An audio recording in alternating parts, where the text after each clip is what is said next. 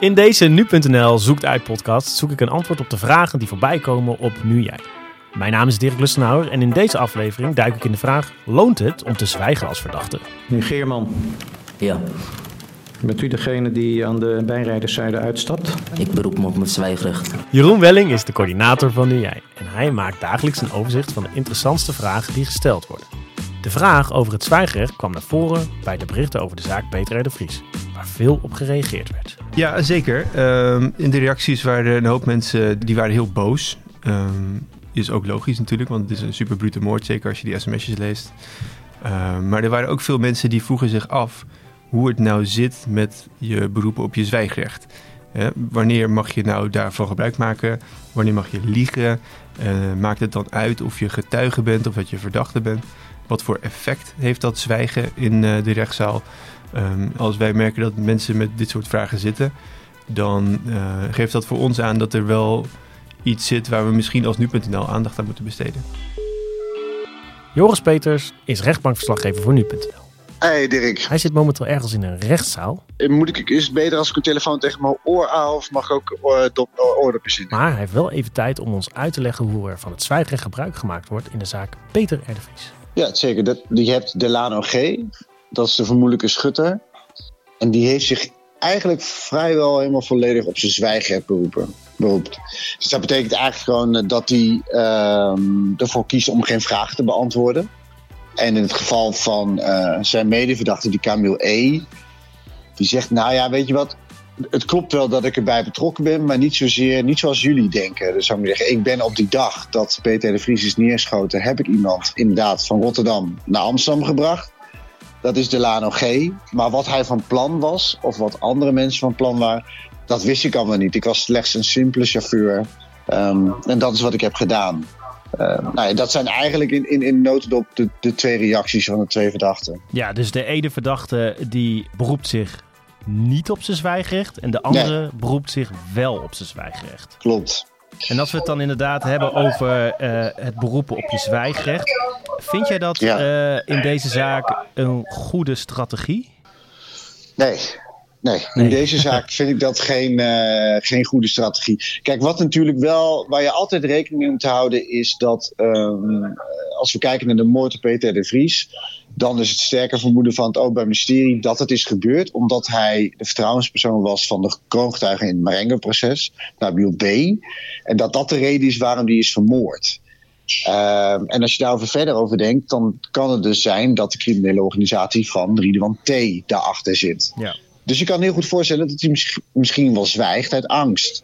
Hè? Dus het is niet zozeer alleen maar een soort lak hebben aan van ik heb geen zin om vragen te beantwoorden. Maar misschien een oprechte angst ehm, eh, dat je bang bent dat als je wat zegt, dat ook jouw familie wat gebeurt of jouzelf wat gebeurt.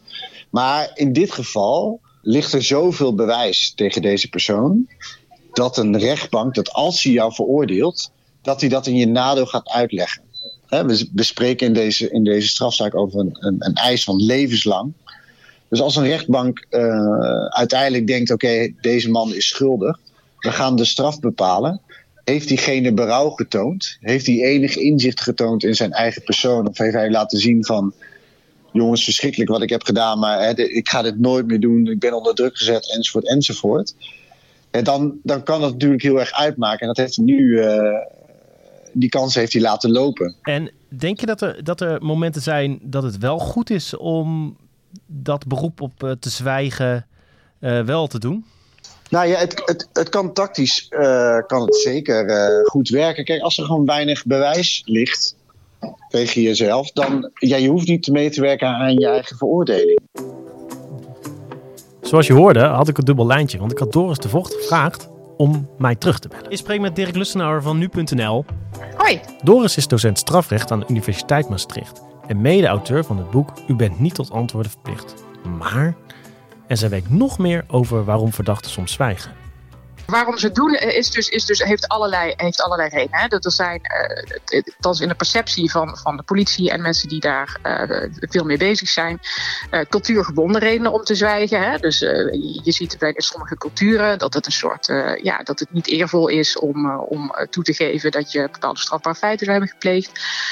je ziet het ook wel hè, dat er gezegd wordt in bepaalde soorten strafbare feiten wordt er meer gezwegen. Hè. Bijvoorbeeld de drugsgerelateerde criminaliteit. Er schijnt de neiging al iets groter te zijn.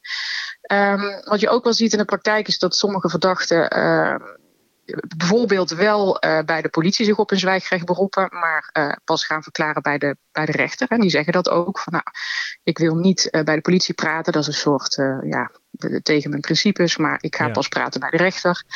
Um, ja, dus, dus er is niet één reden om te zwijgen. Alleen in het hoofd van, van veel mensen uh, is de belangrijkste reden natuurlijk ja, om, om te verdekken dat je een strafbaar feit hebt gepleegd. Ja, en als dat, uh, en dat, ja. ja, en als dat er dan inderdaad zo is om inderdaad te, dat te verdekken, zoals je dat zelf zegt. Mm -hmm. ja, waarom bestaat er dan eigenlijk zoiets als zwijgrecht? Is, is dat belangrijk? Ja, dat is ook een hele goede vraag. Uh, waarom bestaat het? Nou, het is eigenlijk verbonden aan het, aan het beginsel dat we ervan uitgaan, dat is een soort mensenrechtelijk uh, principe, dat verdachten in strafzaken niet verplicht zijn om aan een eigen veroordeling mee te werken. Um, en dat is een heel oud principe. Dat is uh, ja, eigenlijk op gebaseerd dat we, uh, en toegespitst op het Nederlandse strafproces, de, het Openbaar Ministerie heeft de bewijslast. Het Openbaar Ministerie moet bewijzen dat iemand een strafbaar feit heeft gepleegd. En jij als verdachte kunt niet verplicht worden om daaraan mee te werken. En dan kun je natuurlijk afvragen, ja, waarom is dat zo? Je bent niet voor niks verdacht. Ja. Um, maar ja, dat, daar ligt nou juist uh, het pijnpunt. Je bent verdachte en pas op het moment dat er is vastgesteld hè, in de hele juridische procedure en volgens alle regels die daaraan verbonden zijn, dat je inderdaad, um, nou ja, naar alle maatstaven die daarvoor gelden schuldig bent, dan ben je ook ja, juridisch gezien een schuldige uh, persoon. Totdat dat zover is, totdat die uitspraak van de rechter onherroepelijk is, ben je uh, natuurlijk, moet je voor onschuldig worden gehouden. Dat lijkt een soort kunstmatig principe. Ja. Er zit ook nog wel een, uh, een, een, betrouwbaarheidskwestie in. In die zin dat we weten dat op het moment dat we mensen wel zouden verplichten om mee te werken, want dat zou ook een alternatief kunnen zijn, al is dan nog de vraag hoe doe je dat dan, zonder echt te gaan folteren en zo. Ja. Uh, maar stel dat wel. Dat gaan we een, niet doen. dat gaan we niet doen, dat lijkt me ook niet, niet zo'n goed idee. Maar uh, nou, stel dat je dat wel tot een plicht zou maken. Um, ja, dan weten we wel, ook uit rechtspsychologisch onderzoek, dat de betrouwbaarheid van verklaringen die je onder dwang verkrijgt, veel minder groot is dan vrijwillig afgelegde verklaringen. Ja, en ik denk, jij hebt waarschijnlijk ook uh, in je boek volgens mij heel breed onderzoek gedaan. En ik vroeg me af of er in de afgelopen jaren, of eigenlijk de geschiedenis van het strafrecht, iets te zeggen is of um, zwijgen dan uiteindelijk toch loont. Of juist niet natuurlijk. Um, nou, ik denk als je, uh, dat is ook een lastige uh, vraag om in zijn te beantwoorden, maar ik denk dat, het, dat we wel kunnen stellen dat uh, in Nederland, en die tendentie ook al in andere landen in Europa, dat het minder loont, steeds minder loont, en dat je het kunt omdraaien, dat het zwijgen in toenemende mate nadelige consequenties voor verdachten kan hebben. We zien wel een lijn in de rechtspraak dat uh, in toenemende mate het zwijgen van verdachten in zijn nadeel wordt meegewogen. Denk bijvoorbeeld aan een uh, een, een uh, diefstalzaak waar een verdachte zwijgt, maar in zijn woning zijn wel alle gestolen goederen aangetroffen, heel specifieke goederen, en hij geeft geen verklaring voor de aanwezigheid van die goederen, dan kan het feit dat hij daar geen verklaring voor geeft, kan in de bewijsconstructie worden meegenomen. Ja. dat is toegestaan, dat wordt in de rechtspraak ook toegestaan, dat wordt door de Europese rechter goedgekeurd. En we zien in Nederland dat dat eigenlijk sinds een aantal jaren steeds vaker gebeurt en ook op, op grotere schaal. Dus um, ik zou eerder willen zeggen dat het zwijgen uh, niet loont. Um, in een enkel geval kan het lonen als je, en dat is natuurlijk ook een inschatting die, die een advocaat uh, samen met de cliënt moet maken. Als het dossier heel dun is en je weet hè, met de bewijsminimumregels die er zijn, er moet altijd een bepaalde hoeveelheid bewijs worden gehaald, dat uh, het niet rond te krijgen is, dan kan het lonen. Ja, uh, of dat in heel veel gevallen gebeurt, ja, dat is, dat is bijna niet te onderzoeken, omdat je heel moeilijk zicht krijgt op wat de doorslaggevende factor is geweest. Dus het kan lonen om te zwijgen. Als je bijvoorbeeld bang bent voor een afrekening, maar ook als het OM een zaak niet rond kan krijgen. Maar we zien steeds meer dat zwijgen niet loont voor de verdachte.